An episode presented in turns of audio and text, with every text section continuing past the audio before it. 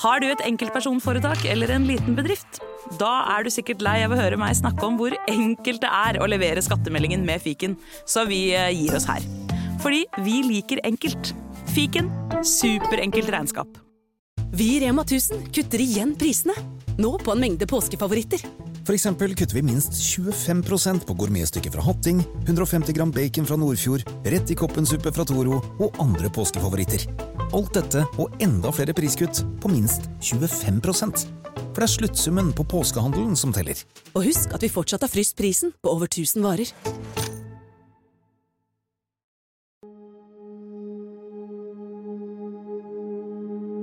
Hva gjør at noen blir kriminelle, mens andre velger å bli politi?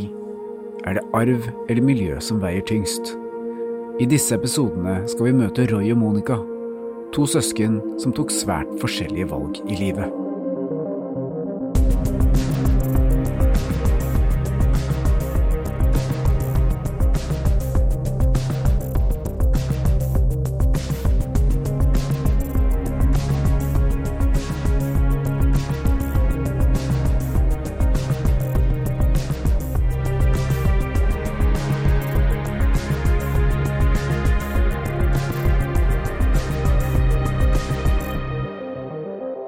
Velkommen til oss, eh, Roy og Monica. Dere har jo det samme opphavet, dere har den samme far, men likevel så endte jo opp med at en av dere ble politi, og den andre ble del av et kriminelt nettverk. Og vi er jo litt nysgjerrig på å høre hvordan det gikk til. Og vi kan jo starte med deg, Monica, damene først. Hvordan var egentlig oppveksten din? Jeg ble jo født i Sørum eh, mens mine foreldre fortsatt var uh, sammen og gift. 1965, det vil si at da jeg er 56. Eh, Det var ganske ugreit hjemme allerede på den tida. Når du sier ugreit, hva tenker du da? Mye krangling mellom dem. Eh, pappa som jobba mye, i hvert fall som jeg husker det. Eh, mamma som forsvant i dagevis. Låste meg inne på et rom mens pappa var på jobb, og så bare forsvant. Eh, sånn at jeg livredd inne på avlåst soverom lurte på om verden var i ferd med å gå under. Veldig sånn utrygt, da. Når jeg var fem, så skilte de lag. Under ren krigssone, omtrent, på den tida. Og etter det så bodde jeg jo alene sammen med en mor til jeg flytta hjemmefra da jeg var 17. Ja, du flytta hjemmefra da du var 17, det er tidlig.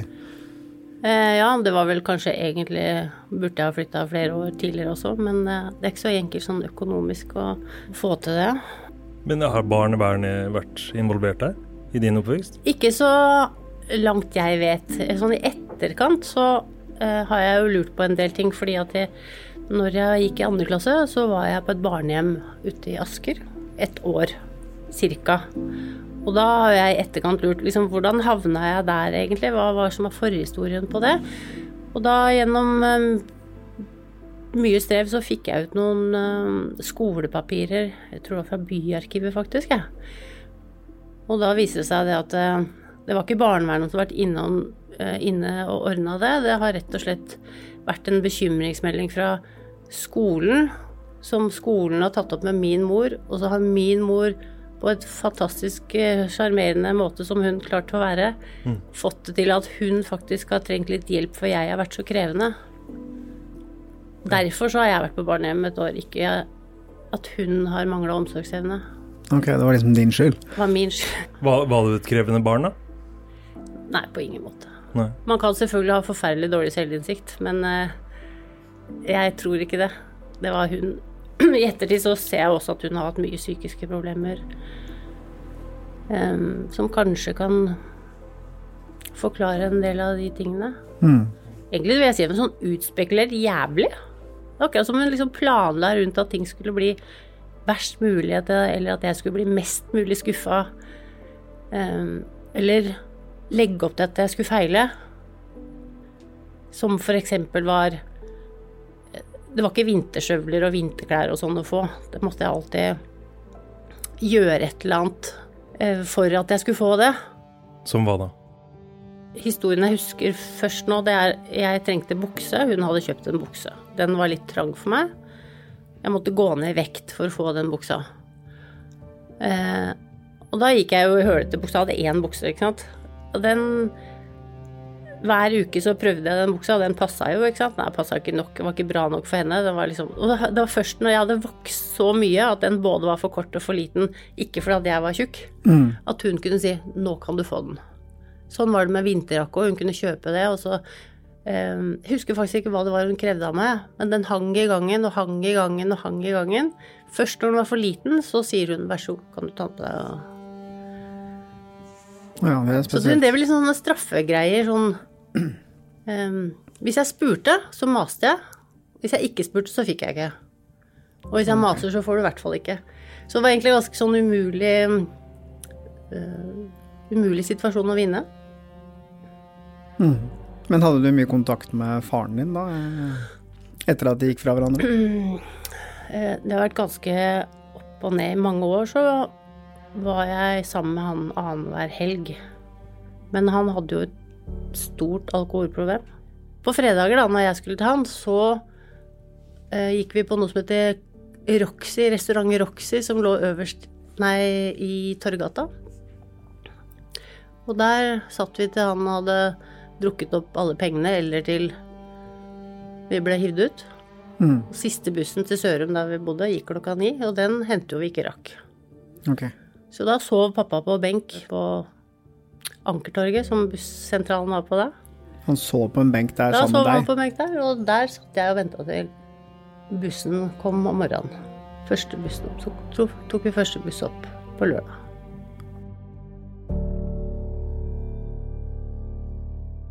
Dro dere på ferie noen gang? Jeg har vært på én ferie med min mor. Da var vi på en campingplass oppe Husker ikke.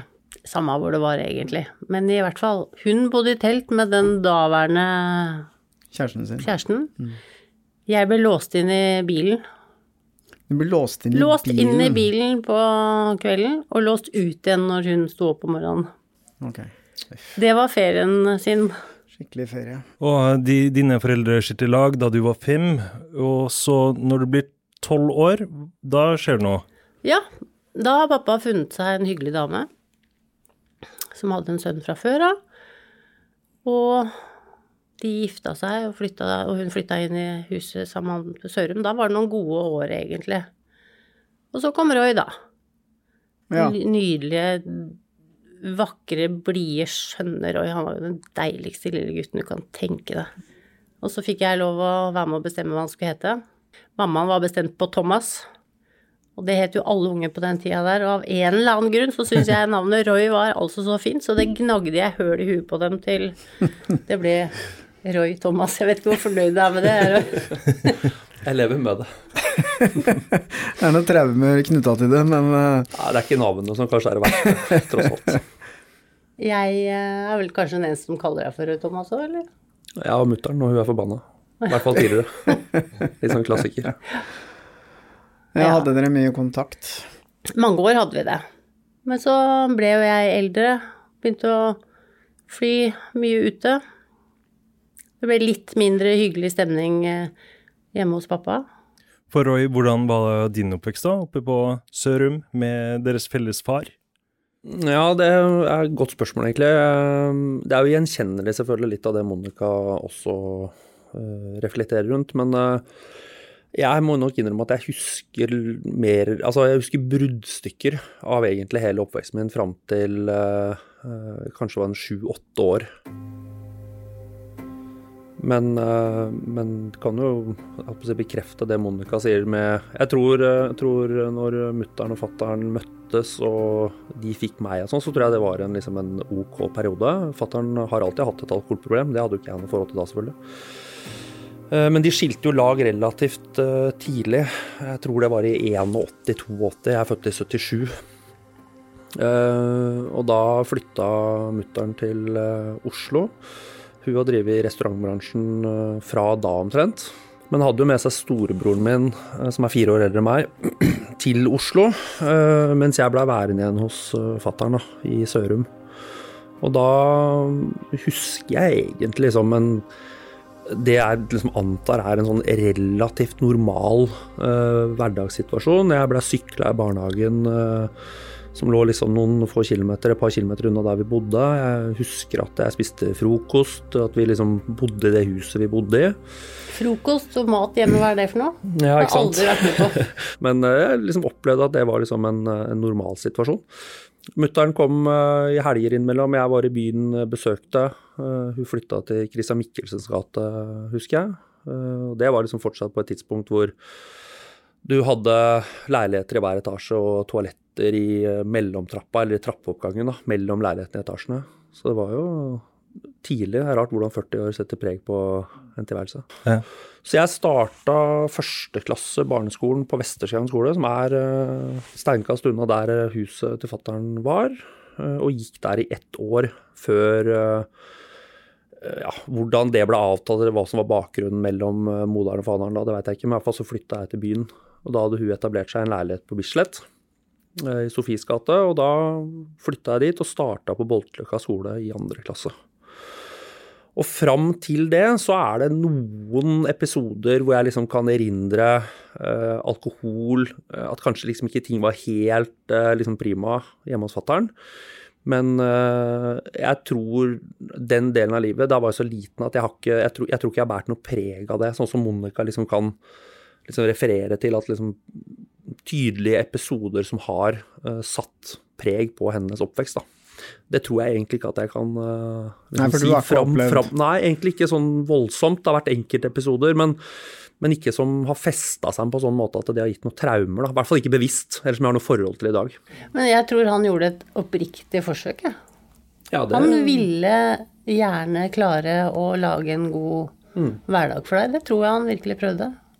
ja, det tror jeg. Men jeg var jo der noen ganger, og det så jo ikke ut der. Men det, Nei, men liksom, har når du er fem år, noe- så er det samme om det er møkkete på kjøkkengulvet. Liksom. Men det du forteller, Monica, er jo sånn veldig omsorgssvikt. Men, Veldig. eh, men du opplevde ikke i de første leveårene dine noe av det samme.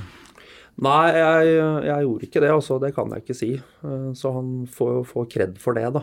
Så, Men ja. eh, jeg tenker på, hvis vi skal hoppe litt til tenårene, da. Hvordan var tenårene for deg, Monica? Mm, Jeg bodde stort sett aleine. Helt fra vi flytta, jeg og mamma, eh, aleine, så har jeg store perioder bodd aleine.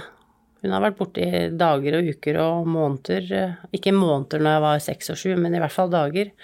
Og når vi kom til 12 og 13 år, så bodde hun nesten ikke sammen med meg i det hele tatt. Um, vi flytta jo mye mange ganger. Eh, Men når jeg ble Fra jeg var ti til jeg var 15, tror jeg, så bodde vi på samme sted som var Jens Belkes gate, Lakkegata. Der hadde jeg liksom fast base i fem år. Og der bodde jeg stort sett aleine. Vaska klærne mine for hånd. Hadde mat en sjelden gang.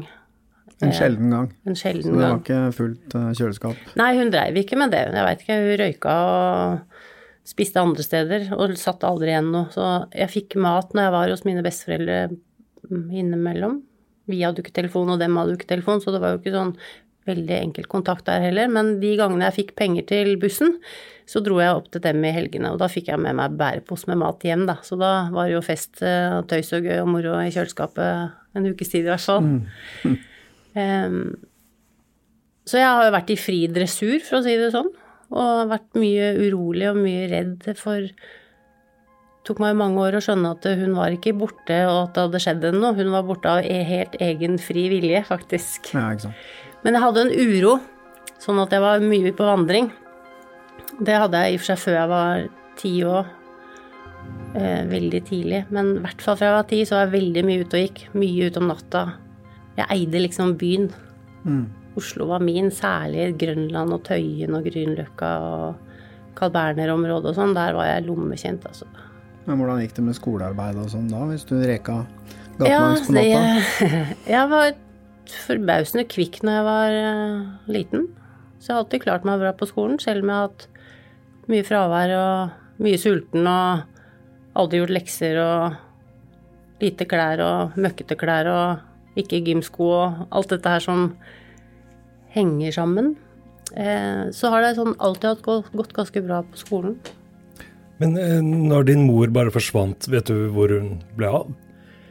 Noen ganger så vet jeg jo det. Hun hadde jo diverse kjærester opp igjennom. Som hun valgte å være sammen med istedenfor sin datter. Ja, og mange ganger så vet jeg ikke hva hun gjorde heller, men da etter hvert så begynte jeg å tenke at hun har sikkert en eller annen som hun er på besøk hos eller bor hos. Um, men jeg vet ikke. Det var liksom ingen som tok tak i dette her. Altså skole, naboer Nei. Ingen. ingen. Mine besteforeldre vet jeg forsøkte å få kontakt eh, med Eller var i kontakt med barnevernet og skole osv., men eh, de var jo ikke sånn voldsomt ressurssterke personer, så når de møtte døra der sånn, så eh, klarte ikke de å gjøre noe videre med det, annet enn å gi meg mye omsorg når jeg først var der, da. Veldig mye omsorg og kjærlighet fra mine besteforeldre. Som selvfølgelig skamma seg dypt over egen datter og fortvila på mine vegne og fortvila på egne vegne òg, egentlig. Hva har skjedd her? Og så ble jeg jo kjent med Fasting Torgersen, for eksempel. Det Fredrik Fasting Torgersen er mest kjent for, er å ha blitt dømt i en drapssak fra 1957. Han eh, ble beskyldt for å ha drept eh, 16 år gamle Rigmor Johnsen i Oslo. Han ble jo idømt eh, livsvarig fengsel og ti års sikring for det drapet, og sona 16 år i fengsel, og ble løslatt i 1974. Det her var jo før eh, du møtte Torgersen, Monica. Ja. Eh, I ettertid så har jeg regna meg ut til at det må være omtrent når han kom ut fra siste soning. Torgersen døde jo i 2015, men eh, før den tid så jobba han jo veldig for å få saken sin gjenopptatt, og hadde mange støttespillere rundt seg som hevda at han var utsatt for et justismord. Det ble jo aldri påvist. Jeg var veldig glad i, i hunder, eller dyr generelt. Altså jeg var jo, når jeg er ute på mindre vandringer, så drev jeg og bytta side på fortauet og sånn, alt ettersom. Oi, der kommer en hund. Tralala, jeg går over her og later som jeg helt tilfeldigvis eh, møter på den hunden. Og sånn var det også med han. Han hadde en sånn bulldog-type som heter Jones. Så da kom jeg i kontakt med han, da. Så du ble bestekamerat med er vel kanskje ikke akkurat bestekamerat, men jeg møtte han, jeg hadde i hvert fall avtale. Eh, møtte han flere ganger for å være med og gå tur med den bikkja. da. Så da gikk vi langs Akerselva faktisk, på kveldsturer. Der er det jo ikke akkurat opplyst og fine veier sånn som det er i dag. Nei. Små, mørke stier og sånn, men, men jeg oppfatta aldri det som noe skummelt. Han var bare hyggelig, og vi prata bikkje og sånn. Ja, hva slags type var han? Ehm, kanskje litt sånn fåmælt, men han var veldig glad i bikkja si. Og jeg husker egentlig ikke akkurat hva vi prata om utover den hunden, men jeg vet at jeg har vært veldig sånn kontaktsøkende. Så jeg gjetter på at jeg har fortalt mye om at jeg har vært ensom og redd og lurer på hvor mora mi er, osv. Jeg tenker kanskje at han ga litt sånn følelse av at jeg ble Ja, lytta til, da. så han var snill med Ja, jeg tror ja. egentlig at han gjorde det, men, at han, men det er i hvert fall ikke noe skummelt i det hele tatt, sånn som jeg føler det. Eh, men eh, eh, jeg har jo alltid hatt en sånn innebygd brems. Så hvis noen av disse hadde foreslått at vi skulle gjøre noe gått et annet sted eller møtes noen andre sted, altså, Ja. så hadde jeg alltid en brems. Du var smart nok til å skjønne at, uh, hva som var greit og ikke greit. Jeg tror det. Det her var vel sånn ca. midten på 70-tallet. Ja. Men hvordan var det her i Oslo da, på, det, på den tida? Det har forandra seg mye over årene. Veldig mye. Det var ikke så mye folk ute på natta, kveld og natta eh, i Oslo, i hvert fall ikke i ukedagene. Eh, Jeg kunne jo gå mange timer uten å møte noen. Men de jeg møtte, var jo ungdommer som var kanskje litt i min egen situasjon. Og Noen Jeg ble skremt vann av politiet noen ganger, f.eks. De var ikke spesielt hyggelige med meg når jeg Så politiet var ikke noe hyggelig med deg. Nei. Monica, du fikk altså ganske tidlig i din oppvekst et dårlig forhold til politiet. Men eh, det tror jeg vi skal komme litt tilbake til seinere. Roy, du flytta etter hvert fra Sørum og til Oslo. Uh, ja, jeg gjorde det. Um, da er vi på uh, 293, må det vel være, hvor eh, jeg var ferdig på ungdomsskolen. Og jeg kjenner meg jo litt igjen når Monica sier at hun flytta tidlig hjemmefra, for jeg flytta på internatskole på VAM videregående, som var uh, landbruksskole av alle ting. Jeg var jo bondegutt, så det var naturlig for så vidt å ta en videregående skole der. Uh, men hoved, hovedgulrota med å starte der var jo at det var internat. Så jeg flytta dit. Men mutter'n bodde jo fortsatt i Oslo, så jeg var jo var i Oslo selvfølgelig, i perioder, og besøkte hun. Bodde hun på Bislett da fremdeles? Nei, for da uh, hun måtte flytte fra Bislett på slutten av 80-tallet. Flytta til Etterstein periode, var også der uh, en stund. Um, og så etablerte hun seg en leilighet på Lofsrøhøgda. Ja. Søndre Nordstrand bydel. Det var et skritt i riktig retning på mange måter. Da. Hun drev fortsatt restaurantbransjen, men fikk en ryggsmell etter hvert som gjorde at hun skulle opereres og blei etter hvert ufør. Men, men, for hennes del, sånn isolert sett, å flytte i den leiligheten på Lofsrøyda, det var en romslig, fin, stor leilighet uh, i et landlig område. Men det er veldig mye tilfeldigheter her, da, for det nabolaget var jo fylt opp med uh, en del av de karakterene som, uh, som hva skal jeg si, som, om, som ble omtalt som liksom Tveita-miljø eller Kosfort-gjengen og alt det greiene som dere har snakka om før. Mm. I, ja, Tveita-gjengen er jo en betegnelse på et miljø, en, en rekke ungdommer som vokste opp på Tveita og Haugerud og Oppsal og de områdene der, som uh, fant sammen på Tveita senter, og etter hvert uh, startet med ja, litt uh, uskyldig kriminalitet, og dette utviklet seg etter hvert til å bli ganske hardcore kriminalitet. Men grunnen til at det ble kalt for Tveita-gjengen, var jo rett og slett at de hadde en tilhørighet til Tveita senter. Det er ikke sånn at man treffer disse på parkeringsplassen, og så blir man venner når du er 16 år, og, og treffer folk som da er eh, både 25 og 30. Eh, men vi bor jo i et, i et, lite land, og Oslo og Romerike er et lite område. Så en del av de folka som, eh, som, var tidlig i det miljøet, de hadde også noen forgreninger til eh, Frogner og Sørum, eh, med bakgrunn at noen hadde flytta ut av byen og opp i det området. Så i løpet av ungdomsskoletida mi så hadde jeg et par treffpunkter hvor, hvor noen da lokale på Frogner hadde besøk av noen av de gutta i Oslo, eller fra Oslo. Og det er sånn som jeg husker det, da, så er det folk som er eh, oppvokst på rundt egentlig kall det Østensjø, men Trosterud, ja, området der, da, Haugenstua. Og Tveita etter hvert. Men sant, det er begrepet Tveitengen, det er jo de færreste som faktisk er fra Tveita.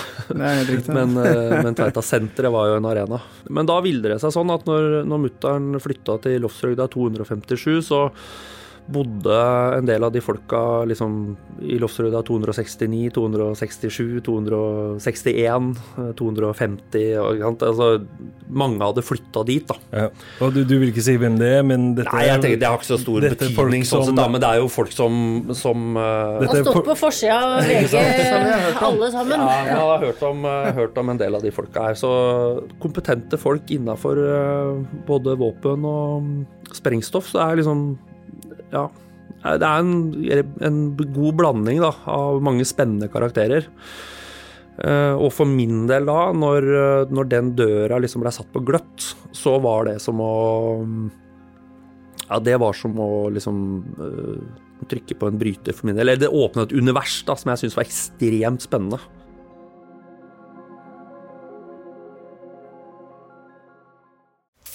Ja, det fine med å høre på podkast, det er jo at du kan gjøre noe nyttig samtidig. Kan f.eks. endelig fikse den eh, skapdøra på badet. Sånn. Alt du trenger til enkelt vedlikehold hjemme, finner du på Vi i Rema 1000 kutter igjen prisene, nå på en mengde påskefavoritter. Du får f.eks. minst 25% priskutt på appelsiner i løsvekt, familiepakning med vaffelmiks fra Toro, tipakk Rige kakao fra Freia og andre påskefavoritter. Alt dette og enda flere priskutt på minst 25 For det er sluttsummen på påskehandelen som teller. Og husk at vi fortsatt har fryst prisen på over 1000 varer. Tilfeldighetene skulle altså ha det til at det var du, Roy, som ble fristet av kriminalitet og dette livet som kriminell. Mens du, Monica, som tidligere fortalte at du egentlig ikke hadde noe særlig godt forhold til politiet, du valgte å bli politi. Ja. Var det for at du skulle gjøre politiet litt hyggeligere, da, eller? Jeg veit ikke helt hva det var, da. Eh, det har jeg bare visst eh, Så lenge jeg kan huske, da, så har jeg tenkt at jeg skal bli politi. Jeg, jeg tror en, Noen er liksom født til å bli politi. Jeg har ledd mange ganger av uh, faren min som har en kompis som har liksom alltid har sagt om faren min at uh, ja, men du har jo vært politi hele livet. De Ja. gikk jo rundt og arresterte folk da du var tolv fordi de var på epleslang, liksom. Mm. Ja. men uh, er det litt det er samme med deg, at du liksom hadde den følelsen av at det var liksom din rolle her i livet? Ja. På skolen så var jeg i hvert fall alltid den som liksom gikk inn og ikke tolererte at noen var slemme med noen. Eh, vært sånn rettferdighetssøkende der, da. Samtidig så vet jeg jo i dag at eh, på ungdomsskolen så satt jeg jo med åpne øyne og så på at eh, de to stakkars pakistanere som gikk i vår klasse, som var de to eneste med utenlandsk bakgrunn på hele Herskip skole, de jeg vet ikke hva jeg skal kalle det, men den fikk jo gjennomgå litt, da. Så jeg har ikke gjennomført eh, på det akkurat. Nei, men det er jo kanskje ikke alltid så lett heller, da. Men det slår meg litt her at uh, det har jo vært ting i oppveksten din, og, Roy, men du har på mange måter hatt litt tryggere rammer, da, enn det Monica har hatt. Ja, det, jo, jo, jeg har det, Monica. Altså, når, når du hører uh, den fortellinga du kom med, så det er, uh, det er store forskjeller i det. Ikke sant? Så det er noen grunnleggende behov som jeg har fått dekka. Altså, Noen har vært glad i deg? ja, ja, det er jo én ting, men, eh, men eh, jeg, har, jeg har aldri lidd liksom en økonomisk nød i den forstand. Eh, Og da mener jeg ikke at vi fikk Nintendo, jeg mener vi hadde mat. Og du hadde? Altså, vintersko og Ja, jeg ja. det, det var aldri noe tema. Og jeg hadde, til tross for fatterens begrensa liksom, muligheter til å bistå, han også gjorde det han kunne med de økonomiske midlene han hadde. Det var ikke sånn at jeg ikke hadde mat i kjøleskapet der. Jeg hadde besteforeldre på Kløfta som også uh? Jeg er egentlig omgitt i all hovedsak av objektivt sett ressurssterke folk. På mange områder. På, eller på, på det området, da. Særlig. Så, så, det, så det, det er egentlig ikke sammenlignbart, men, eh, men det er noen treffpunkter og noen mekanismer sannsynligvis som, som eh, gir på mange måter de samme utslagene. Eh, Den der med å være alene. ikke sant? Altså Du, du blir overlatt til deg sjøl. Jeg fløy ute på kvelda. Eh, Det var jo ikke mobiltelefon. ikke? Det ble ringt rundt til de hun hadde telefonnumrene til. Jeg kom hjem, jeg husker, jeg, jeg tror jeg kanskje gikk i tredje klasse, eller sånn, kom hjem halv tolv på kvelden. og sånn, ikke? Det er jo, Når jeg tenker på dattera mi i dag på ti år, hadde hun vært ute et halvt tolv. Altså så hadde jo Ja, ja, ja jøye meg. Ringt Hovedredningssentralen. Ja, jeg tror, jeg tror klokka hadde blitt betydelig mindre enn halv tolv da, før det hadde vært liksom trykka på den store knappen. Så, så det var jo en helt annen flyt. ikke? Vi fløy jo rundt i hytt og pine. Og var eh, Oppførte oss liksom egentlig ikke noe eh, voldsomt gæren på en måte på det tidspunktet. Vi var bare ute og hang. Men det var jo litt av den tiden, eh, for det var jo litt sånn i min oppvekst òg. Vi var jo vi var jo mye ute, og vi måtte jo liksom få kjeft for å komme inn. Nå er det jo stikk motsatt. Nå Ja. vil du bruke kjeft på unga for å gå ut. ikke sant? Så det var, jo, eh, det var jo litt sånn friere den gangen, og det var kanskje ikke så farlig heller. Jeg vet ikke som det er i dag, da. Det tror jeg nok helt sikkert at det ikke var. Men eh, når du hadde flytta til pappa, så Ja, fordi det brekket der, bare for å ta akkurat det, da. eh, Det brekket fra uh, barneskole til ungdomsskole, når jeg hadde tatt det valget på egen vegne, og mutter'n på et eller annet besynderlig vis hadde akseptert det, det var sikkert også fordi at eh, det på mange måter Det er jo lettvint, selvfølgelig, på et eller annet nivå, da. Uh, så flytta jeg jo til fatter'n. Da var jeg tolv, og skulle begynne på ungdomsskolen på Frogner, altså Melvold ungdomsskole. Og skulle gå ungdomsskolen der.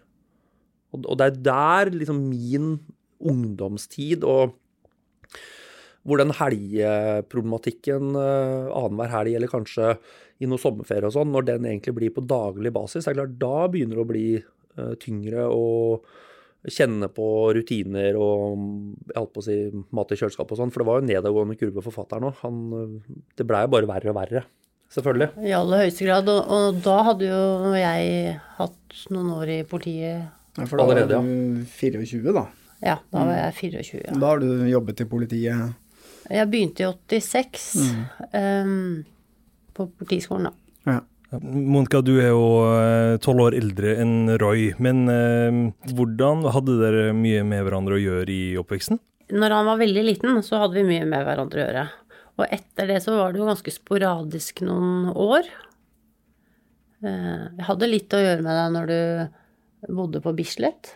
Jeg husker eh, Altså, jeg var der på middag noen ganger, og, som var sånn hyggelig, bortsett fra at jeg fikk helt det creeps av han Bjørn? Bjørn. Han syns jeg var bare helt skrekk, altså. En forferdelig fyr. Um, så det var en av grunnene til at jeg syns hadde ikke lyst til å komme dit. Men så husker jeg jo for eksempel at uh, uh, dere ringte til Majorstua politistasjon, hvor jeg jobba. For da var det skikkelig krise der hjemme. Kan du huske det? Ja, jeg husker faktisk det. Ja. Det husker jeg faktisk. Eh, da hadde det vært eh, noe vold og noe virkelig ukoselige greier, eh, og ville at jeg skulle komme. Og så vet jeg ikke helt hvorfor. Altså, tenkte dere kanskje at jeg var politi, så dette skulle jeg ordne opp i, eller Det husker jeg syntes var veldig vanskelig. Kom og henta dere, tok med dere hjem til meg der hvor jeg bodde, skulle lage spagetti og kjøttdeig, og så var kjøttdeigen eh, gått ut på dato, så det ble spagetti med ketsjup på. Mens vi liksom snakka om Det er et herremåltid i din verden, så ja, ja. Hva, hva gjør jeg nå? Um, uh, og jeg tenker sånn i etterkant at jeg var jo voksen. Jeg burde kanskje ha fått til noe mer. Eh, men jeg følte meg litt sånn hjelpeløs og tafatt i den situasjonen der, altså. Snakka litt med mammaen din.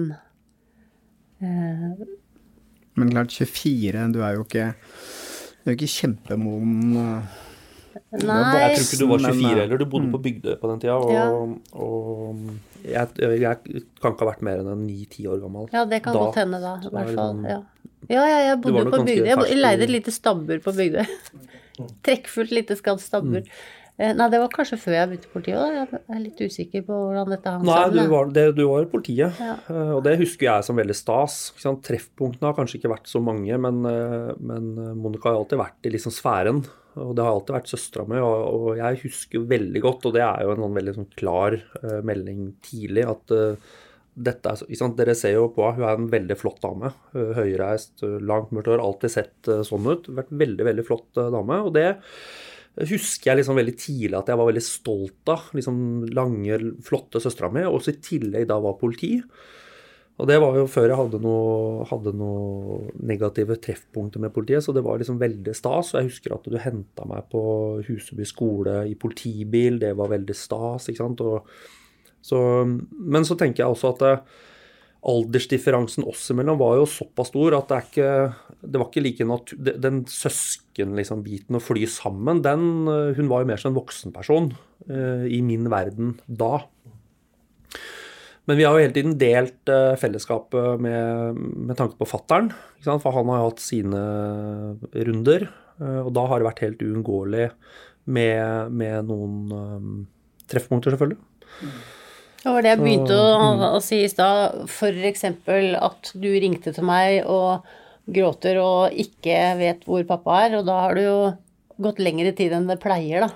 Så hadde du en mistanke om hvor han var. Så kom jeg opp og henta deg med min tyrolig skrøpelige drittbil som stoppa på vei hjem, forresten. Eh, og så drar vi dit hvor han er, og så ringer vi på, og så er det han som åpner. Og når han ser oss da, så tar han jo bare sats og snur og bare beiner inn i den leiligheten. For at han ville jo ikke Han skjønte at det, noe, at det, ble, det der kom til å bli krevende. Dette der til å bli krevende. Og ikke pga. meg, men uh, Ja, hun der. da var jeg altså så sinna at uh, jeg kunne jo drept fyren. Jeg tok jo tak i han og dro han i håret. Han hadde ikke så mye hår, men han dro han i håret og i genseren og sparka ned trappene fra den der blokka. Jeg lurer på om det er tre etasjer eller noe sånt. Mm. Jeg fysisk sparka gubben ned de etasjene og dytta han inn i bilen. Eh, og vi kjørte hjem og ja, Var du i sivil da, eller i, da- uniform? Nei, da var jeg helsivil. Det, det, det der kunne gått skikkelig gærent, altså, men da tror jeg nesten klaffen gikk ned for meg Ja. fullstendig. Etter å ha latt han være aleine i kanskje en uke eller noe sånt. Når man blir voksen og ser dette her i, uh, i, i bakspeilet, så forstår man jo at sant, det her er en annen tid. Eh, dette er en fyr som garantert har slitt med både alkohol og nerver, og det har vært mye opp gjennom åra. Så du får på et måte noe sympati da, på et eller annet nivå. Jeg tror ikke inn han det. hatt så greit i sin Nei, heller. Nei, det er akkurat det. Vi husker jo, jeg husker jo altså Faren hans uh, har jeg aldri møtt, altså min farfar, men uh, farmora mi har jeg møtt, og hun var jo liksom spik spenna gæren, hun òg. Så, så det er liksom det, dette er jo et generasjons øh, øh, en, en greie da, som går i generasjoner. Så man har ikke noe reflektert hold, eller forhold til det når man er yngre sjøl, men når du vokser opp, så skjønner man men- liksom at her er det noe mer, da. Og Hun da var handler det om å ikke gjøre det beste ut av spenna gæren, for det høres ut som hun er psykisk syk. Det Ja, veit jeg, ikke jeg sånn. ikke om hun var, men hun var Nei. ikke noe grei, da, for Nei, å si det forsiktig. var- Hun drev og slo oss med stokker og sånn, ikke sant. Så det er jo Men det virker jo som dere to da har klart å skal jeg si for noe Stoppe en litt sånn uh, negativ uh, At det blir arvet nedover i, uh, i generasjoner, da. Og vi skal jo komme tilbake til mer av hva du har gjort for noe, Roy. Men det er ikke noe Bare så å understreke det, i dag så er jo du en oppegående, skattebetalende borger som ikke gjør noe gærent. Eh, Men det som er litt fascinerende, er jo eh, Dere har jo ikke hatt det så greit i oppveksten. Du, Monica, har jo hatt det verre, men dere tar liksom vidt forskjellige valg. Du velger å bli politi, og du eh, beundrer jo søsteren din. Ja. Eh, ikke sant? Og det naturlige vil være kanskje at du liksom så opp til henne og ville bli som henne, da, men det skjer jo ikke. Nei, det gjør ikke det. Eh, Når Monica kan fortelle at hun liksom veldig tidlig veldig tydelig har liksom tenkt politi som yrkesvei Jeg hadde ikke noe hadde ikke noe um, reflektert forhold til det. eller altså hadde, hadde ikke noen tanker om hva jeg skulle, eller hvor jeg skulle. eller noen vei. Det var en dag eller en uke av gangen. eh, og hadde egentlig mer enn nok med å bare komme meg gjennom eh, ungdomstida. Men Roy, vi snakka litt om, om Tveita-gjengen i sted. Kan ikke du fortelle hvordan du ble kjent med de gutta? for å få en eller annen form for innpass der, så hadde jeg sikkert et behov for å liksom strekke strikken eh, litt lenger. eh, vise at jeg var litt tøffere enn det jeg kanskje egentlig var. Hadde få sperrer. Har egentlig aldri vært Jeg holdt på å si kall det redd, eller uh, Alltid vært ganske sånn risikovillig, da. Uh, helt ifra jeg var liten. På en del områder. Og her åpna det seg noen dører som jeg syntes var veldig veldig spennende, rett og slett. Du var ikke låst Så- på godteributikken? Nei, det var ikke det. Så, så da var det liksom smått om senn sånn at jeg fikk eh, innpass i det miljøet eh, som veldig ung. Ehm, og så er det da en periode på lang tid hvor, uh, hvor jeg holder på med mine ting. Uh, det virket utvikler seg til at det blir liksom, kall grovere og grovere uh, kriminalitet. Det går ifra tyverier og småinnbrudd til å være mer planlagte ting hvor man går for? Det er jo pengene som er drivkraften, og, og adrenalinet som er liksom verktøyet, da. Eller motsatt, jeg er sannelig ikke sikker, egentlig. Men det er i hvert fall den søken etter spenning, adrenalin eh, og det det gir, eh, samtidig som du får en eh, potensiell økonomisk oppside, er liksom, det har vært en drivende faktor, sånn voldsomt. Og det er altså Jeg skjønner at folk blir narkomane. Altså Hvis du først liksom har den Eller gambling, eller Eller egentlig på alle liksom arenaer hvor du driver med ting som er liksom utafor den der A4-sfæren. Jeg skjønner at man kan eh, At man kan eh, drite seg skikkelig ut og gå liksom noen sånne ordentlige runder. For at det Den driven har jeg kjent på sjøl.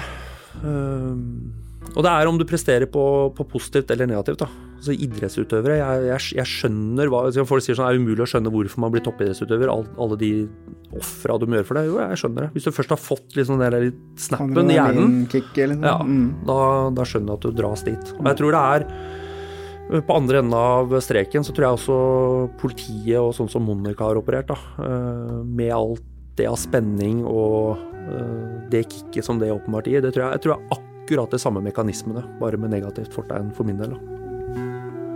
Kan du huske det, liksom, det første du var med på som du tenkte dette var ikke guttestreker lenger, dette er jo faktisk eh, straffbar kriminell handling? Uh, ja, det kan jeg nok. Jeg greier ikke å dra liksom det ene forholdet helt konkret opp mot det andre, men det var en periode, en sommer, hvor, uh, hvor uh, Det er jo gøy å kjøre bil. Og det å, og det å når, vi, når, jeg var med på de første bilbrukstyveriene, hvor du egentlig bare stjeler bil for å kjøre bil og transportere deg hit og dit, så forsto nok alle veldig raskt at nå hadde vi liksom kommet over en uh, Gått over en terskel, da. Det hadde vært noe innbrudd i noen lagerbygninger i området hvor vi bodde.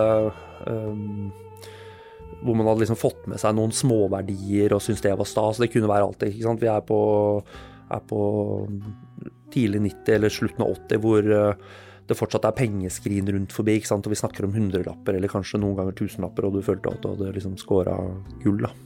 Men hvor gammel var du da du begynte å stjele biler? Jeg var 14 år, første som jeg husker. Jeg 14 år, ja. Og da hadde jeg kompiser som uh, kunne fortelle at de hadde liksom totalvraka bil som tolvåring første runde. Så det var jo det var ganske tidlig på'n, da. Hvordan stjeler man en bil da, som 14-åring? Nei, da lærer du av noen som er eldre enn deg sjøl. Eh, og så har du sett på film, og det er mye kløning for å stjele den første bilen, for å si det sånn. og det er jo litt sånn komisk nå, men det er egentlig bare en, eh, egentlig bare en uh, tragisk greie. Men det er en utforskertrang, da.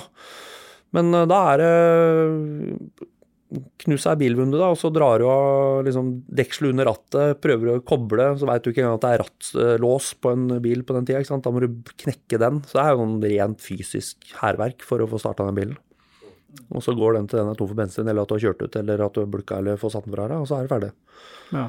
Så, så, det var spenning? Det var ikke noen penger i det? det var bare nei, spenning. Nei, nei, nei. Mm. Kjørte lange turer, eller ble du rundt omkring på Ja, det har jo øh, det er jo litt begge deler, for så vidt. Men uh, vi opererte liksom rundt Sørum, på Romerike. Rundt forbi, da. Da, Monica, da var jo du 26 år og jobbet i politiet. Uh, fikk du liksom vite om at uh, broren din stjal biler og Nei. Nei. Det gjorde jeg ikke, og jeg vet ikke om det er fordi at det ikke var kjent for politiet i Sørum, eller Jeg ante ingenting om det da. Det var ikke en sånn den berømte biltyvbanden fra Sørum? Nei. Det var ikke noe snakk om det? Det tror jeg ikke. Jeg tror vi gikk godt under radaren. Ja. Vi er jo Jeg har jo en sønn på 14 sjøl i dag. Jeg liker jo å tro at jeg har sånn tålelig kontroll på hva han driver med, men eh, for alt jeg veit, så har han stjålet tre biler og kommet hjem klokka ti på kvelden, liksom. Så altså, det, det veit man jo ikke, ikke sant. Så, Så.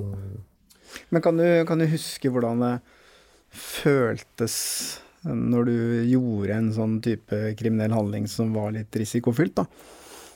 Hvordan det føltes før og under og etterpå? Ja, det er Når jeg hører folk beskriver rushet rush av dop, så er det akkurat den samme beskrivelsen. Det, er, det, det kan gå varmt gjennom hele kroppen, og, og adrenalinet pumpes liksom sånn ordentlig, da. Og det er en, eh, det er en rusfølelse, rett og slett. Og så er det jo om å gjøre å liksom leve på den rusen uh, så lenge som mulig. For at du våkner jo Du får jo nedtur av dette her også. ikke sant? Du, du skal jo sove noen netter, og så vet du jo at her er det jo noen som jobber i kulissene for å prøve å finne ut av hva som har skjedd. Har du vært god nok på det du driver med, sånn at du ikke blir tatt, eller ringer noen på døra di? Og det um, Du får et slags rush da òg, men ikke så positivt forstand.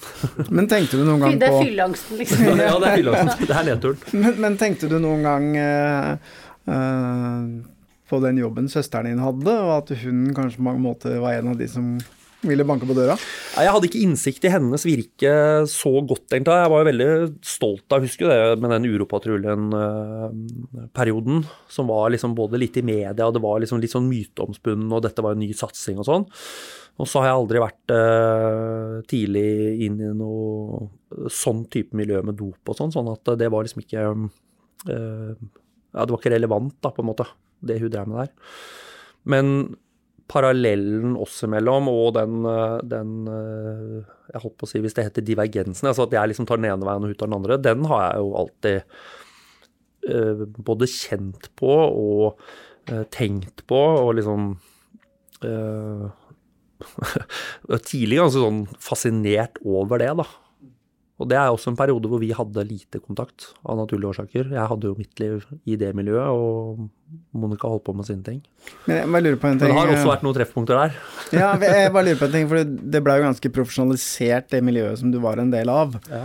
Og du hadde en søster som jobber i politiet. Følte du en gang noe press om at du skulle liksom prøve å hente ut noen opplysninger fra søsteren din, og bruke søsteren din på et eller annet vis til å oppnå noen fordeler? Eh, ja, det har det nok vært. Men det har også vært en dør som har vært veldig lukka, eh, av mange årsaker. Men, eh, men det, var jo, det var jo kjent at jeg hadde en søster som var politi, og det var snakk om det. Og, og det har liksom vært noen eh, episoder eller perioder hvor man har tenkt at det skal være mulig å eh, bruke det til, kall det min eller vår fordel. Men eh, jeg kan i hvert fall ikke huske at jeg på noen måte har henvendt meg indirekte eller direkte til Monica om noen sånne ting, da. Kan du huske at han gjorde det? Nei, han har ikke gjort det. Nei. Aldri. Nei, for jeg, jeg, hvis jeg ikke husker helt feil, så var det vel en av disse Nokas-ranerne som innledet et forhold til en politibetjent på sentrum eller noe Ja. sånt. Stemmer ikke det? Jo, At jo, det, det var en liksom bevisst strategi for å prøve å hente ut litt informasjon? Mm. Jeg tror han klarte det òg. Ja, klarte det, ja. Helt riktig. Det. Det finnes det flere eksempler på, Ja, det både det. kjente og ukjente. Ja. Ja. Det er jo sant, øh, åpenbart øh, Jeg tror igjen da, sant, den parallellen med om det er positivt negativt fortegn, den der driven for spenning og den biten der. Eh, politifolk er ikke noe annerledes enn resten av sånn sett. da, og er, Du blir sjarmert, og du lar deg på en måte dra inn i ting. Det er ikke, det er ikke så svart-hvitt det der. Så jeg har Men det går eh, ikke an. Det Nei, ikke sant. Altså, det, nei, men, eh, men eh, jeg har etter hvert opp gjennom Jeg skal ikke si mange, men jeg har da en god del bekjente og venner som har vært i forhold med uh, politifolk. Men, har Av det begge en, kjønn. men har det vært en bevisst strategi? Både og. Ja. At det har vært noen fordeler med det. Eh, og ikke minst at du også på et eller annet nivå, da, så, så vil jo også denne politibetjenten, eller altså politiet, vil jo kjenne på det ubehaget at du, du setter deg sjøl i en ekstremt krevende situasjon da, som politi eh, når du går over den terskelen. Og der tror jeg det er mange flere enn det vi har hørt om, som har, eh, som har både kjent på og fått eh, strekk for uh, at man har tråkka feil. Hva, slags type saker var du liksom, befatta med på det tidspunktet? her da? Jeg jobba jo ordenstjeneste nesten fire år etter Politiskolen, i 88. Så begynte jeg vel på Uropatruljen i 92. ja Uropatruljen, hva var det for noe? Den berømte og berykta Uropatruljen som drev på um, gatenivå i Oslo og prøvde å dra opp narkotikasaker. Var det sammen med Eirik Jensen? da? Var det ikke han som Jo, han var også der en stund, ja. Mm. Eh, Da var jeg den første og den eneste jenta som fikk og hadde jobb der. Det var jo noe som jeg var ganske så stolt av, vil jeg si. Eh, Og jeg var makker med Eirik Jensen et års tid. Hvordan var det? Jeg så veldig opp til han. Han var jo grisekul og hemmelighetsfull. Eh, Det er litt sånn spesielt å tenke på i etterkant. Han var så hemmelighetsfull at jeg tenkte at her er det mye jeg ikke skjønner. Fordi at jeg er fersk og dum. Men sånn skulle det kanskje være? Ja, kanskje det skulle være sånn. eh, Kanskje ikke. Så jeg syns i hvert fall han var veldig kul på den tida der.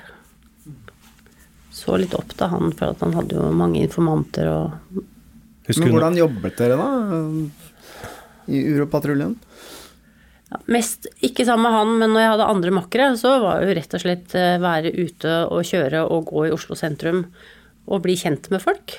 eh, Og prøve å få folk til å snakke med deg. Så at vi hadde jo aldri noe mål om å ta enkelt brukerdose på den enkelte narkomane bruker. Egentlig helt uinteressant. Det var jo bare en vei til å prøve å finne ut hvem var det som solgte. Og aller helst opp til litt sånn større beslag igjen, da. Og det skjedde jo. Men eh, det var rett og slett det der ut på gata. Bli kjent med folk. Prøve å, å få folk på lag til en viss grad, i hvert fall. Og komme og klatre videre. Eh, Så jeg blir litt lei meg når jeg ser Når man snakker om dette her med å jobbe mot narkotika, og eh, at man liksom er ute etter å plage narkomane og liksom ta fra dem dosa. I hvert fall har jeg aldri opplevd at det er noe mål for noen i seg sjøl.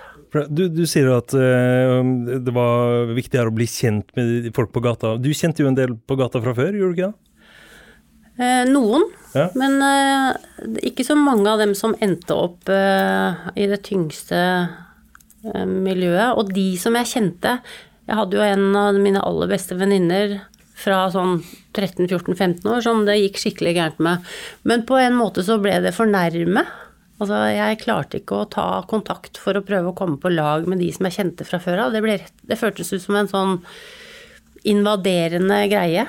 Så det fikk jeg aldri til. Nei, så du klarte liksom ikke å utnytte det at du kjente en del i de miljøene, da? Nei, jeg følte at det var, kunne antageligvis feilaktig, men at det var å svikte dem på en måte, og prøve å elge meg innpå fra en annen vinkel. Fra å være venn til å skulle være den som skal fiske ut ting. Mm. Så nei, det gjorde jeg aldri. Jeg tenker at dette er et uh, naturlig sted å stoppe, for i neste episode så skal vi høre litt mer om de store sakene som du har jobbet med, Monica, i politiet. Og Roy, vi skal høre mer om dine kjeltringstreker. Avhørt er produsert av Batong Media. Redaksjonen vår består av Stein Morten Lier, Helge Molvær og Lars Christian Nygårdstrand. Temamusikken vår er laget av Georg Roaas, og du finner oss på Facebook som Batong Media. Du kan høre eksklusive episoder av Avhørt på Podme. Gå inn på podme.no, eller last ned appen Podme.